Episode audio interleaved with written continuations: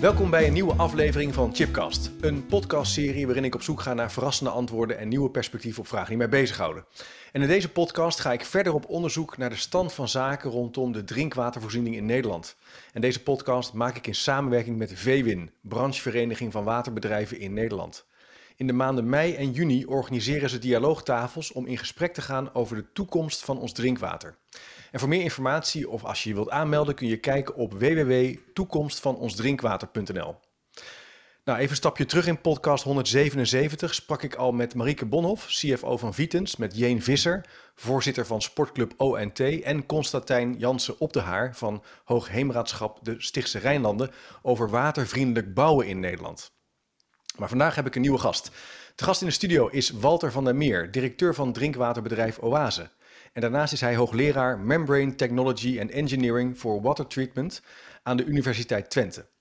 Ook is hij voorzitter van het TKI-bestuur Watertechnologie en het topconsortium voor kennis en innovatie watertechnologie.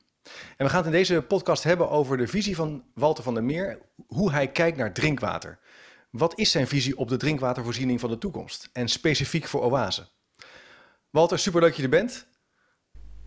Ja, nee, heel leuk dat ik deze gelegenheid ja. heb. Ja, we gaan er eens even induiken. Uh, ik wilde eigenlijk even starten, want wat ik zelf uh, heel interessant vind, is jouw, toch een persoonlijke start, de combinatie tussen wetenschap en praktijk. Ja, want je bent directeur van Oase, maar tegelijkertijd sta je dus ook eigenlijk met een andere voet in, de, in het wetenschappelijk onderzoek. Wat maakt dat je die combinatie zo bent, bent gaan opzoeken? Is dat bewust of is dat, is dat eigenlijk ongemerkt gegaan? Nou, het, het, de start is natuurlijk wel bewust. Ik heb uh, ook parttime, dat kleeft denk ik aan me, ben ik uh, gaan promoveren. Toen de tijd nog bij Waterleiding Friesland. Dat is inmiddels uh, een goede twintig jaar geleden. en kort erop kreeg ik de kans om deeltijd hoogleraar te worden.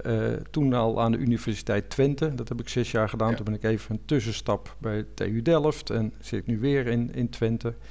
En die combi spreekt me gewoon aan. Het is natuurlijk gewoon leuk om één dag in de week echt met pure wetenschap bezig te zijn. En dan kijkend van, nou ja, wat betekent dat voor de praktijk? En aan de andere kant, nou ja, dingen die je in de praktijk tegenkomt.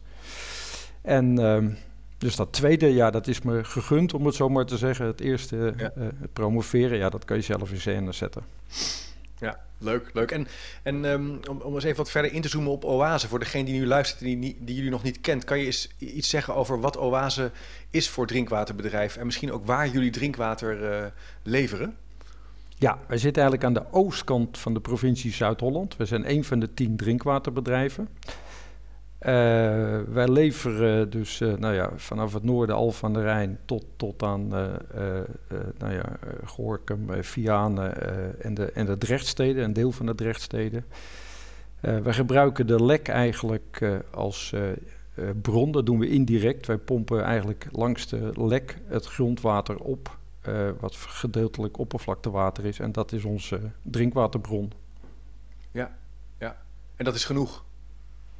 Dat is meer dan genoeg. Regio. Ja, wauw. Ja, ja, nee, maar dat is meer dan genoeg. Het, de, de lek stroomt altijd, uh, uh, nou ja, er gaan honderden kubus per seconde doorheen. En uh, nou ja, daar gebruiken wij misschien 1% van, dus voorlopig water genoeg. Ja, interessant. En, en, en als jij nou kijkt naar, we hebben het over de toekomst van drinkwater, maar, maar ook wel over de, de uitdagingen die er zijn rondom duurzaamheid. En over, nou, droogte is nu bijvoorbeeld iets wat heel veel in het nieuws is. Hoewel het gisteren ontzettend veel heeft geregend toevallig toen ik in de auto zat. Zou je iets kunnen zeggen over de uitdagingen die jij ziet in de regio? Wat, wat komt er op jullie af vandaag de dag? Ja, nou ook ja, regionaal, maar zeker ook uh, Nederland breed zie je natuurlijk eigenlijk twee grote uitdagingen. Eén is uh, zeg maar de, de, kwaliteit van onze bronnen, hè, dat dat in ieder geval niet slechter wordt. Nou, door toename van bevolking, industrialisatie, nou ja, landbouw, zit daar best wel een druk op. Er zit ook een druk op uh, als het gaat om bronnenkwaliteit vanuit gewoon de natuur, de verzilting, uh, klimaatsveranderingen, zeespiegels die stijgen. Dat zoute water dringt toch een beetje Nederland in. Dus dat is een uh, qua bronnen. Het andere is door nou ja, lange hete zomers dat er natuurlijk grote piekvragen zijn. En die combi, nou ja, dat zijn toch wel dingen waar we als watersector ja, ons mee bezighouden en daar uh, uiteraard uh, ruim uh, voor dat het zich echt voordoet op voorsorteren. Ja, ja. En, en, maar, en wat, um, je bent tegelijkertijd moet je dus eigenlijk ervoor zorgen dat iedereen genoeg water heeft, om het zo te zeggen. Dus je bent gewoon met je huidige proces bezig. En tegelijkertijd moet je ook nadenken over hoe je die uitdagingen eigenlijk het hoofd blijft bieden. Hoe je antwoorden op, op genereert. Zijn ook wel innovatieve vraagstukken. Hoe doen jullie dat dan als Oase? Of hoe, hoe pak je dat dan aan? Als Oase, uh, kort na mijn komst, zijn we eigenlijk begonnen met uh, uh, het introduceren van membraantechnologie binnen ons bedrijf. Nou is membraantechnologie al, al 40 jaar oud, dus het is niet dat nieuw. Hè. Dat moet ook, hè, want je moet natuurlijk altijd water kunnen leveren. Je kan niet experimenteren. Maar met die membraantechnologie die wij toepassen, zijn wij in staat om eigenlijk in één stap vanuit ons grondwater een perfecte drinkwaterkwaliteit te maken, vrij van welke verontreiniging dan ook. En niet alleen nu, maar ook in de toekomst, omdat het echt een hele fijne T-safe is. Alleen water gaat er doorheen. Uh, of, hè, dat is voor 99,9% water. En alle andere stoffen ja. hou je tegen. Dus ook nieuwe medicijnen die over 10 jaar ontwikkeld worden, kunnen we eigenlijk meteen roepen, die halen wij eruit. Dus ja. dat is uh, iets waarop wij uh, als oase voor sorteren om op die manier, nou ja, uh, onze klanten de komende nou ja, decennia prima water, van prima drinkwater te voorzien. Ja, en kan je, als een luisteraar die nu denkt, ja, membraantechnologie, wat is dat eigenlijk? Kan jij dat dan zeg maar in Nijntje taal uitleggen? Want waarschijnlijk is het een heel technisch concept, maar kan je er iets, kan je het eens toelichten? Nou, ik vergelijk eigenlijk een membraan gewoon met een, met een vergiet. Hè, waar ja. je je rijst en afgiet, in, in afgiet, het water loopt er doorheen, je rijst blijft in je, in je vergiet zitten. Nou, als je die gaatjes nou maar klein genoeg maakt, dan blijft bijvoorbeeld keukenzout blijft er gewoon in achter. Hè, die blijft in je vergiet en wat er doorheen loopt is puur water. Alleen, ja, hoe kleiner de gaatjes worden, hoe meer druk je moet zetten. Dus wij zetten, hè, je moet het water onder druk brengen en dan is het eigenlijk de druk van een uh, racefietsbandje, zo'n zo'n 10 bar. Hè, dus iets meer als een autoband. Ja.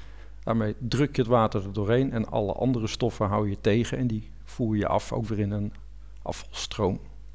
Ja, ja precies. En dan haal je alles eruit. Ja, afhankelijk. Hè. Er zijn uh, natuurlijk duizend en één soorten membranen. Maar wij uh, als Oase kiezen echt voor de meest dichte membranen. Hè, dus met de meest kleine poriën. Je kan dus met die poriën ja. spelen. Nou, net als de vergiet thuis. Je kan grote gaten, kleine gaten. En wij gaan dan voor de allerkleinste. Ja, ja. En, en um, uh, heb jij het, is, dat, zijn dat, is dat technologie die uh, ook voor de toekomst bestendig is en goed genoeg is om, om drinkwater te blijven voorzien in Nederland? Ja, kijk, ja. deze technologie komt eigenlijk uit, uit de zeewaterontzouting. dus het is echt wat ze dan noemen proven technology, hè, bewezen technologie. we hebben ook gekeken van, is dat nou duurzaam? wat zijn nou voor- en nadelen?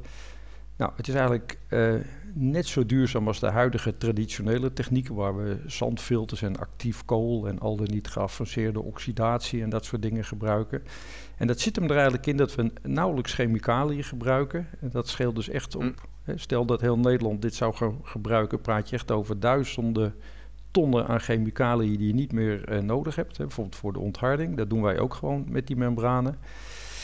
Uh, het enige wat je er eigenlijk instopt is die energie om het op druk te brengen. Nou, op het moment dat dat zonne- en windenergie is, is dat groener dan groen.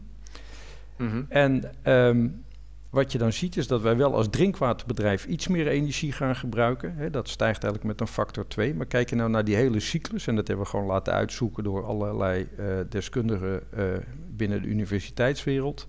Dan zie je dat de overal, hè, nou de hele loop, dat dat gelijk is of zelfs iets lager. Want in die chemicaliën zit ook energie.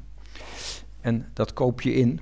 Hè, dus je moet naar de hele loop kijken. Ja. En dan uh, dus op die manier. Benaderen. Je moet de hele keten bekijken.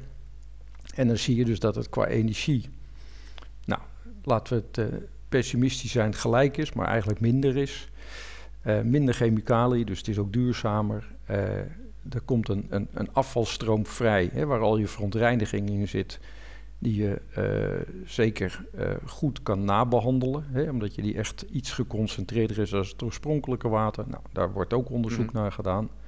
Dus op ter duur denk ik dat dit gewoon eigenlijk de, de technologie van de toekomst gaat worden. Toch wel, ja. En, en dus, dus als je nou kijkt naar jullie, is onderzoek en innovatie dan een, is dat iets wat heel dicht op jullie primaire proces staat? Is, ja. is dat zeg maar onderdeel van je DNA bijna als organisatie, dat je constant reflecteert, vooruitkijkt, innoveert? Ja, ik denk dat we dat als hele sector doen. Maar nou, ik denk OA's ja. door allerlei omstandigheden in het bijzonder. Ehm, en dat je dus als bedrijf kijkt, hè, dus met, met je personeel, met je raad van commissarissen, je aandeelhouders, van welke innovaties zouden voor ons echt relevant zijn. Hoe robuust is het? Uh, wat zijn de kosten? Nou, hoe gaat het om duurzaamheid? En dat je op die manier afwegingen kan maken en zo nou ja, je proces verder kan verduurzamen. Wat ja, als drinkwaterbedrijf uh, bijna in je DNA moet zitten. Wat is nou duurzamer als water? Ja. Ja, want jij zei in de voorbereiding op, je maakt het ook niet op, hè? Zeker zin, je gebruikt het wel. Ja, tenzij het in watermeloenen stopte, zei jij. Ja, het is iets van hergebruik eigenlijk. Hè? Zijn de andere... Ja, kan je iets over zeggen? Het is natuurlijk Kijk, in wezen uh, gebruiken wij water hè, en we verbruiken het niet. Het is misschien een uh, woordspelletje, maar goed, je, je doucht ermee, je, je draait je vaatwasser ermee. Ja. Uh, en dan, je, het komt dus je woning binnen, hè, laten we even van een woning uitgaan. Dan gaat het via de riool, via de gemeente gaat het weer naar waterschappen of hoogheemraadschappen. Die behandelen het en die lozen het weer. En kijk je dan naar het, het hergebruik. De, de, moeder natuur heeft natuurlijk de, de grote kringloop die we allemaal op school leren. Maar eigenlijk doen wij als drinkwaterbedrijf, ja, spelen, zijn, wij, zijn wij nog niet zo bezig met het hergebruik van, van water. Al onze stoffen die we eruit halen, ijzer en kalk, dat wordt voor 99% hergebruikt. Dus daar zijn we hartstikke goed in. We hebben ook een aparte vereniging, een, een stichting voor, of een bedrijf, de Reststofunie. Uh, maar het watergebeuren, ja, dat gaat eigenlijk uh, onderbiedig de riool in, waterschap en dat wordt geloosd. En waar wij nu als Oase samen trouwens met een heleboel andere partners, drinkwaterbedrijven, waterschappen naar kijken, is naar het sluiten van die uh, lokale waterkringloop. Dus dat je echt met de waterschappen gaat kijken, goh, het, het, het gezuiverde afvalwater wat nu geloosd wordt op het oppervlaktewater, kunnen wij dat niet als bron gaan inzetten voor ons drinkwater. En op die manier kun je natuurlijk op stedelijk niveau, of misschien op termijn zelfs op wijkniveau, het water eh, hergebruiken. Nou, waar ben je dan vanaf? Je bent er dan vanaf dat natuurlijk bij enorme pieken ja, gaat het water alleen sneller door de cirkel. Maar ja, hè, dus uh, ja, je staat vaker onder de mhm, douche, maar het komt weer bij de rioolwaterzuivering en het komt weer terug. En het tweede voordeel, en dat is denk ik uh, wat nog een beetje onderbelicht hier en daar is, is je hebt natuurlijk ook de klimaatsveranderingen, de verzilting. Als je natuurlijk dat water echt in een, in een wijk houdt, dan heb je natuurlijk geen last van het intrekken van zeewater. Nou, en een derde is, wij zitten natuurlijk in Nederland toch een beetje uh, als laatste, hè, als het gaat om oppervlaktewater. We krijgen natuurlijk water vanuit de buurlanden. Uh, die, daar zitten natuurlijk allerlei industrieën op. Ja, die kan je natuurlijk echt van je systeem afschakelen. En daar kan je, hè, dus die kunnen ook jouw bronnen minder vervuilen. Dus nou. Ja, je wordt eigenlijk soort zelfvoorzienend ook, hè? Lokaal zelfvoorzienender. Ja. Je met de cirkel helemaal dichtmaken. Ja, en als je dat natuurlijk, hè, uh, als je dat wat uitbreidt, nu hebben we natuurlijk ook water nodig voor beregening en veedrenking. Je kan natuurlijk ook zeggen, nou, ik maak die bassins wat groter, hè, meertjes, plassen. Mm -hmm. Los van het recreatieaspect en uh, de natuur kan je op die manier natuurlijk ook uh, zorgen dat je gewoon het water in het gebied vasthoudt. Nou, er zijn wel allemaal ja. plannen voor, maar ik ben wat ongeduldig. Ik denk dat dat best wat sneller kan. Ja. Uh, dat onze klant ook zal zeggen van als we dit gaan doen, van ja, het ligt zo voor de hand. Hè. Hergebruik van papier, hout, plastic, nou, blikjes, ja. dat doen we allemaal. batterijen apart, dat je dus ja, ik vind dat als watersector dat we daar best ons, uh, nou ja, onze been ja. bij kunnen trekken of nog even een stapje harder. En we hebben het allemaal in huis, hè, dus het is echt puur meer organiseren als uitvinden, om het zo maar te zeggen. Ja, dat, dat, is ook wat me, dat bleef me ook bij van de vorige podcast. Uh, van we kunnen het al wel. Het is vraagt meer het organiseren, het samenbrengen van partners ja. en het in de uitvoering krijgen. Want we zijn heel erg ja. innovatief in Nederland in zekere zin. We lopen wel voorop daarin. Maar dat zou dus betekenen, Walter, dat we hier lokaal, hier in Zeist, lokaal eigenlijk het water gaan, uh, dat er een soort cyclus ontstaat hier. En dat we niet meer ja. gebruik maken van die grote ja. rivieren, of misschien gedeeltelijk. Ja. ja. kijk, je zal natuurlijk altijd, hè, er zal altijd een, een, een stroom water zijn die, die je wil behandelen en die niet meer terug in die cyclus gaat. Nou, die, en dan moet je dus denken dat je nog maar, hè, als je echt naar die cyclus kijkt, dat je aan water, hè, aan nieuw, nieuw uh, water als bron, ja, zit je misschien over 10, 20 procent te praten. Dus het is een vijfde ervan. Dat is natuurlijk een heel ander verhaal. Dus daar kan je natuurlijk ook... Ja. Hè, uh, en kijk, uh, als je natuurlijk door je oogharen heen kijkt... is het natuurlijk ook een beweging waar we met z'n allen wat aan moeten wennen. We zijn ooit van, van 164 drinkwaterbedrijven naar 10 gegaan. En ik zeg niet dat je nu weer uh, elke stad zijn eigen drinkwaterbedrijf krijgt, maar qua schaalgrootte is het natuurlijk ook de andere kant op. Hè? Je gaat dus eigenlijk weer naar kleinere uh, drinkwaterunits of afvalwaterunits met natuurlijk weer ja, uh, een andere organisatie. Hoe ga je dat bewaken? Hè? Dus hoe ga je dat ja. controleren? Dus het is ook een beetje tegen de stroom in. Dus ik, ik begrijp best dat dat, nou ja even moet wennen hier en daar. Ja, hè? dat je denkt, ja, wat is dit? even bepaalde routines ter discussie, vraagt een andere vorm van organiseren. Het, wat er wel interessant in is, dat het ook dichter bij de mensen brengt. Hè? Dat mensen, burgers, ja. en uh, weer meer gaan snappen van... hé, uh, hey, dat, uh, dat water is eigenlijk onderdeel van mijn, van mijn dorp... en van, van hoe wij kijken ja. met elkaar. Net zoals elektriciteit, zonnepanelen, dat is ook iets waar we steeds meer aan wennen. Als dat technisch voor water zou kunnen, en dat is eigenlijk te ingewikkeld. Hè. Je eigen afvalwater behandelen is ook een grotere investering in je verdienmodel. Hè. Water kost eigenlijk niks, dus dat, dat zal nooit op huishoudniveau rendabel nee. zijn. Maar stel dat dat wel zou kunnen, ik denk dat we als sector, hè, zowel de waterschappen als de, hè, de gemeentes met hun riolering en de drinkwaterbedrijven best wel eens verrast zouden kunnen worden. Dat je denkt in één keer iemand zijn eigen nou ja, watersysteempje ja. gaat bouwen. Ja, oh ja, interessant dus, als het zou gaan lonen. Ja, je hebt wel op YouTube heb je van die filmpjes van mensen die dat dan doen, hè, op eigen initiatief. Die gaan hun hele ja. woning zelfvoorzienend maken. Dat is natuurlijk, dat moet je echt heel graag willen en ook gewoon interessant vinden. Maar als je dat natuurlijk laagdrempeliger zou kunnen maken, dan, dan zou het nog best wel tot wat beweging kunnen leiden. Ja, ja. en ik ja. denk, nou, wat je ook zegt, hè, uh, het regionale. Ik denk dat we in elke supermarkt regionale producten kopen, dat we dat ook leuk vinden. Uh, eh, al dan niet rechtstreeks bij de boer vandaan of nou, noem het maar op. En nou, daar zou dit natuurlijk prima op aansluiten. Dat je zegt, goh, het, het, het slootje of de plas achter mijn woning... Ja.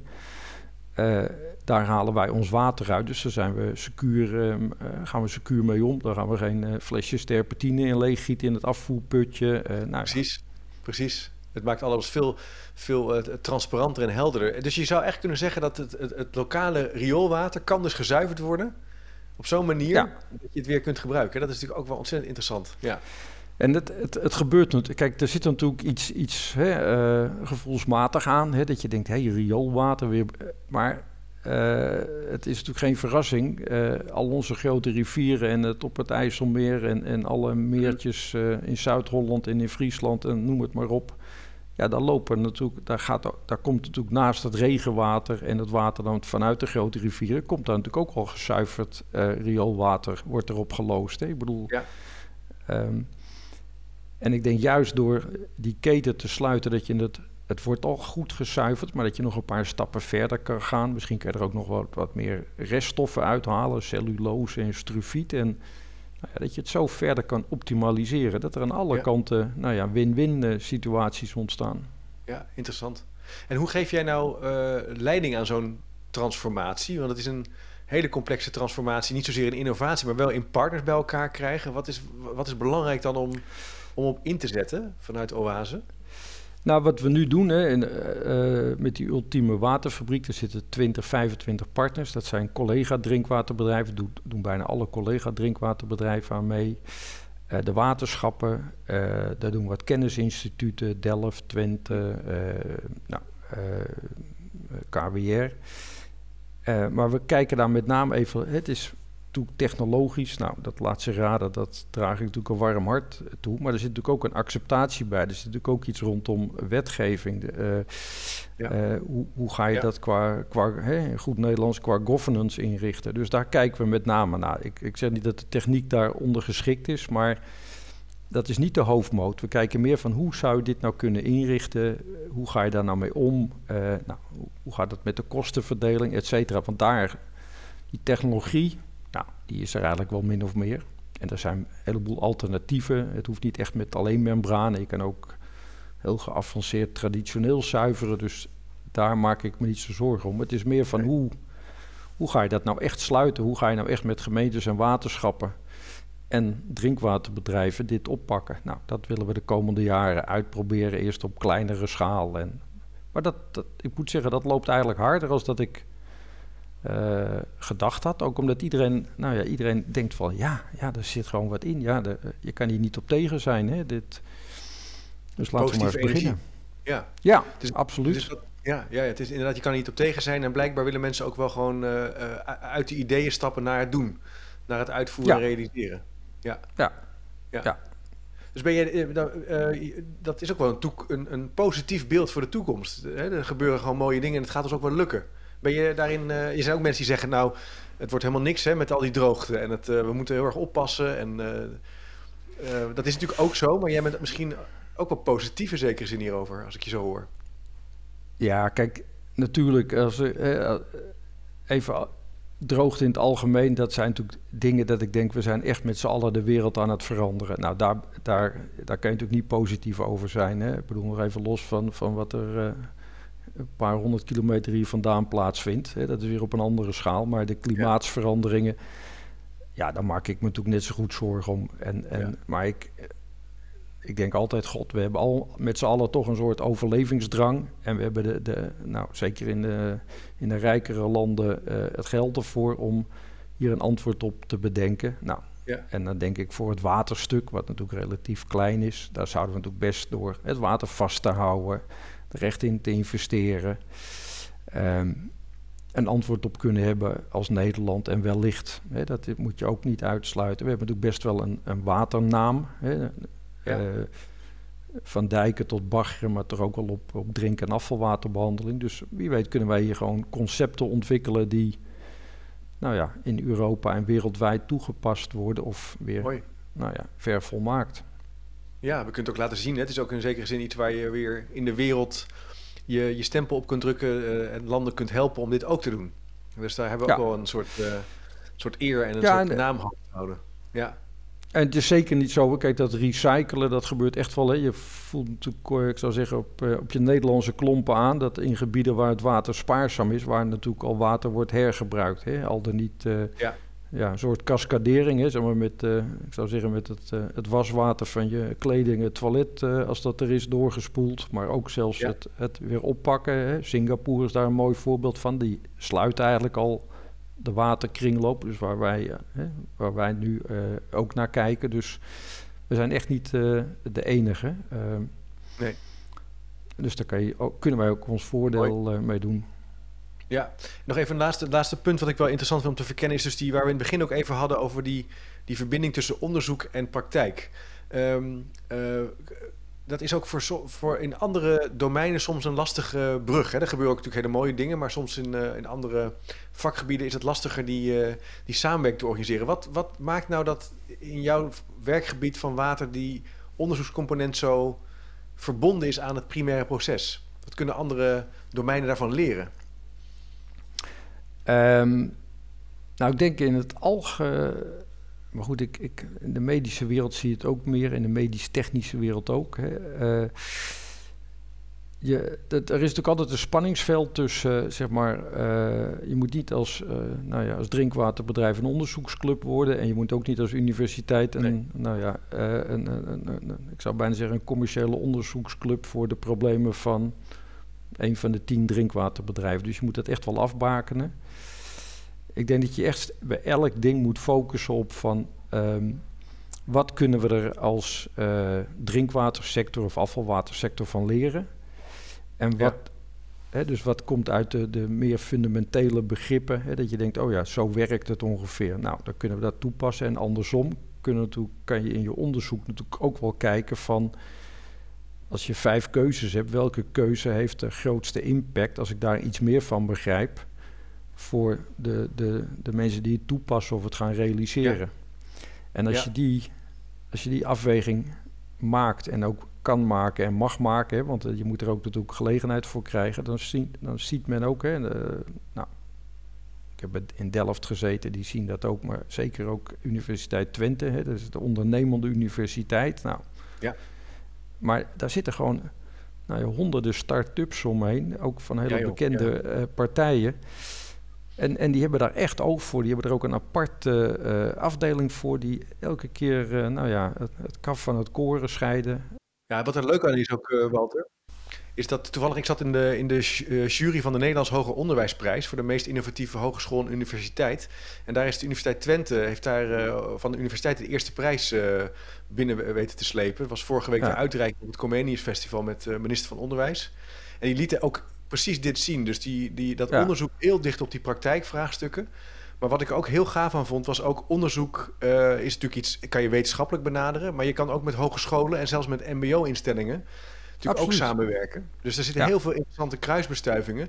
Wat ook ertoe leidt dat je het werk weer centraal kan maken. Wat, wat ook er weer toe leidt dat studenten kiezen voor specifieke opleidingen waar ook uh, tekorten in zijn. Dus het is een soort enorme positieve beweging, uh, waarin je volgens mij heel veel impact kan maken op verschillende niveaus eigenlijk. Ja, nou ja, dat, uh, ik denk en als sector doen we dat, maar je kan natuurlijk iets hartstikke leuks uitvinden, maar wat zo high-tech is dat alleen een, uh, nou ja, een, een, een ver doorgestudeerde meneer of mevrouw dit kan ja. runnen. Maar het is natuurlijk veel, en dat zien we natuurlijk, ik bedoel even dan, hè, waar ik dan zelf kijk op heb. Als ik kijk hoe de, de, de operators van Oase omgaan nu met deze one-step RO, hè, dus dat, dat volstroomsconcept. Ja ja, die zijn meegenomen in het onderzoek. Die hebben hun, hun opmerkingen, aanmerkingen. Die zijn er, hebben meegedaan met proefonderzoek. Dus die begrijpen hoe dat werkt. En die werken er nu naadloos mee. Maar dat is natuurlijk wel, anders had het natuurlijk nooit gelukt. Ik bedoel, ik, zie me daar al die drie locaties de hele dag afrijden. Omdat ik uh, iets vanuit Twente uh, binnen Oase wil introduceren. Dat lijkt mij, dat, dat moet je niet willen. Nee, nee. Dus, nee, mooi. Uh, dus heb je echt dat vakmanschap wat je centraal stelt. En dat je eigenlijk alle collega's die in verschillende schakels naar zo'n vernieuwing kijken, doen eigenlijk actief mee. Uh, ja. en, en, en, en, dat leidt tot gewoon in, tot borging en verankering. Hè? En dan, dan wordt iets ook realistisch. Dus dat is wel uh, nou, dat, dat kijk, een mooie manier van kijken. Ja dat hele innovatietraject, hè, dat is natuurlijk vanuit, zeg maar, nou ja, ooit een oratie van mij is dit uh, bedacht. Nou, toen hebben we dat uitgeprobeerd, toen hebben we dat met het personeel gedeeld, hè, die hebben, zijn erbij betrokken geweest, hebben mede onderzocht eraan. Maar ook, uh, je hebt natuurlijk een raad van commissarissen als drinkwaterbedrijf, die heb ik erin meegenomen. De aandeelhouders, omdat je op een gegeven moment wil je natuurlijk niet iets introduceren waarbij iedereen denkt: jeetje, wat is dit joh? Dit is een of andere innovatie, ja, hartstikke leuk, maar hopen dat er morgen nog maar water uit de kraan komt of uh, dat het uh, ja. voor de komende 30 jaar runt. Dus dan moet je echt die, die, hele reeks meenemen en daar leer je ook van dat je, nou ja, gekeken ja. smaak, robuustheid, nou, noem het allemaal maar op. En nu, ja, tot mijn genoegen natuurlijk merk ik dat sommige burgemeesters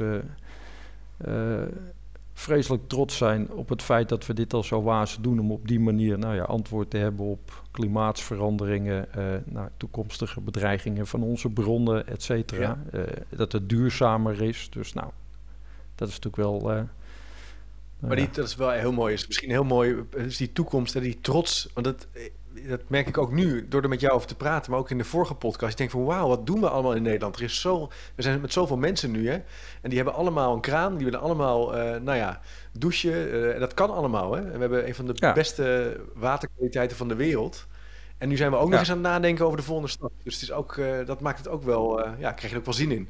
Ja, ja, ja nou, heel objectief natuurlijk heb ik iets met water, hè, dat begrijp je. Ik zit misschien ook wel een beetje verstopt in mijn achternaam. En, uh, nou, maar... Uh, ja, je hebt heel goed nee, aangevlogen, denk, ja. Wat zeg je? Je hebt het goed aangevlogen met je naam ook. Inderdaad. Ja, ja. Nee, dus... Uh, nee, er gebeurt heel veel. En het, nou wat ik al ja. zei, je moet het... ehm, hier en daar kunnen we echt wel versnellen. En soms uh, ligt dat gewoon in nou, beter over dingen communiceren of partners zoeken, hè, niet het wiel zelf uitvinden. Ja. Uh, nou, en als je dat met z'n allen doet, nou, dan denk ik dat wij uh, de drinkwatervoorziening en, nou, of eigenlijk de hele watercyclus, daar zou ik eigenlijk veel liever, kijk ik veel liever naar. Nou ja, veilig kunnen stellen, niet alleen nu, maar ook voor de toekomst. Maar zeker ook met de spin-off naar, naar nou, de rest van de wereld. Hè. Ik bedoel, daar gebeurt ook een heleboel, maar laten we daar ook uh, oog voor hebben en nou ja, zo met z'n allen het hoofd uh, bieden aan, uh, aan dit aspect. Ja, denk in een watercyclus. Walter, ontzettend leuk om hierover met je van gedachten te wisselen in deze podcast. Dankjewel. Um, heel interessant om ja, jouw visie ook op, op de drinkwatervoorziening en op drinkwater bij Oase, maar ook misschien wel breder in Nederland, in de wijk, wereldwijd te borgen en te verankeren. Um, ik zou zeggen, beste luisteraar, als je nu denkt... hey, ik wil wat meer weten over wat Walter uh, aan bronnen aandroeg of uh, tips gaf... ga dan even naar chipcast.nl, daar vind je meer achtergrondinformatie over dit gesprek. En ook uh, de doorlink naar ook, de toekomst van drinkwater via Vewin. En als je nou de nieuwsbrief wil ontvangen, zeg ik altijd maar zo... schrijf je even in op chipcast.nl slash doe mee, dan ontvang je die gratis en voor niks. Walter, hartelijk dank voor je tijd. Meer dan graag gedaan. Nee, ik vond het hartstikke leuk. Dus Ja. eh, om iets te vertellen. Ja, Blijf het graag volgen. En eh, Goed. eh, tot de volgende keer. ja oké. Goed. Tot ziens.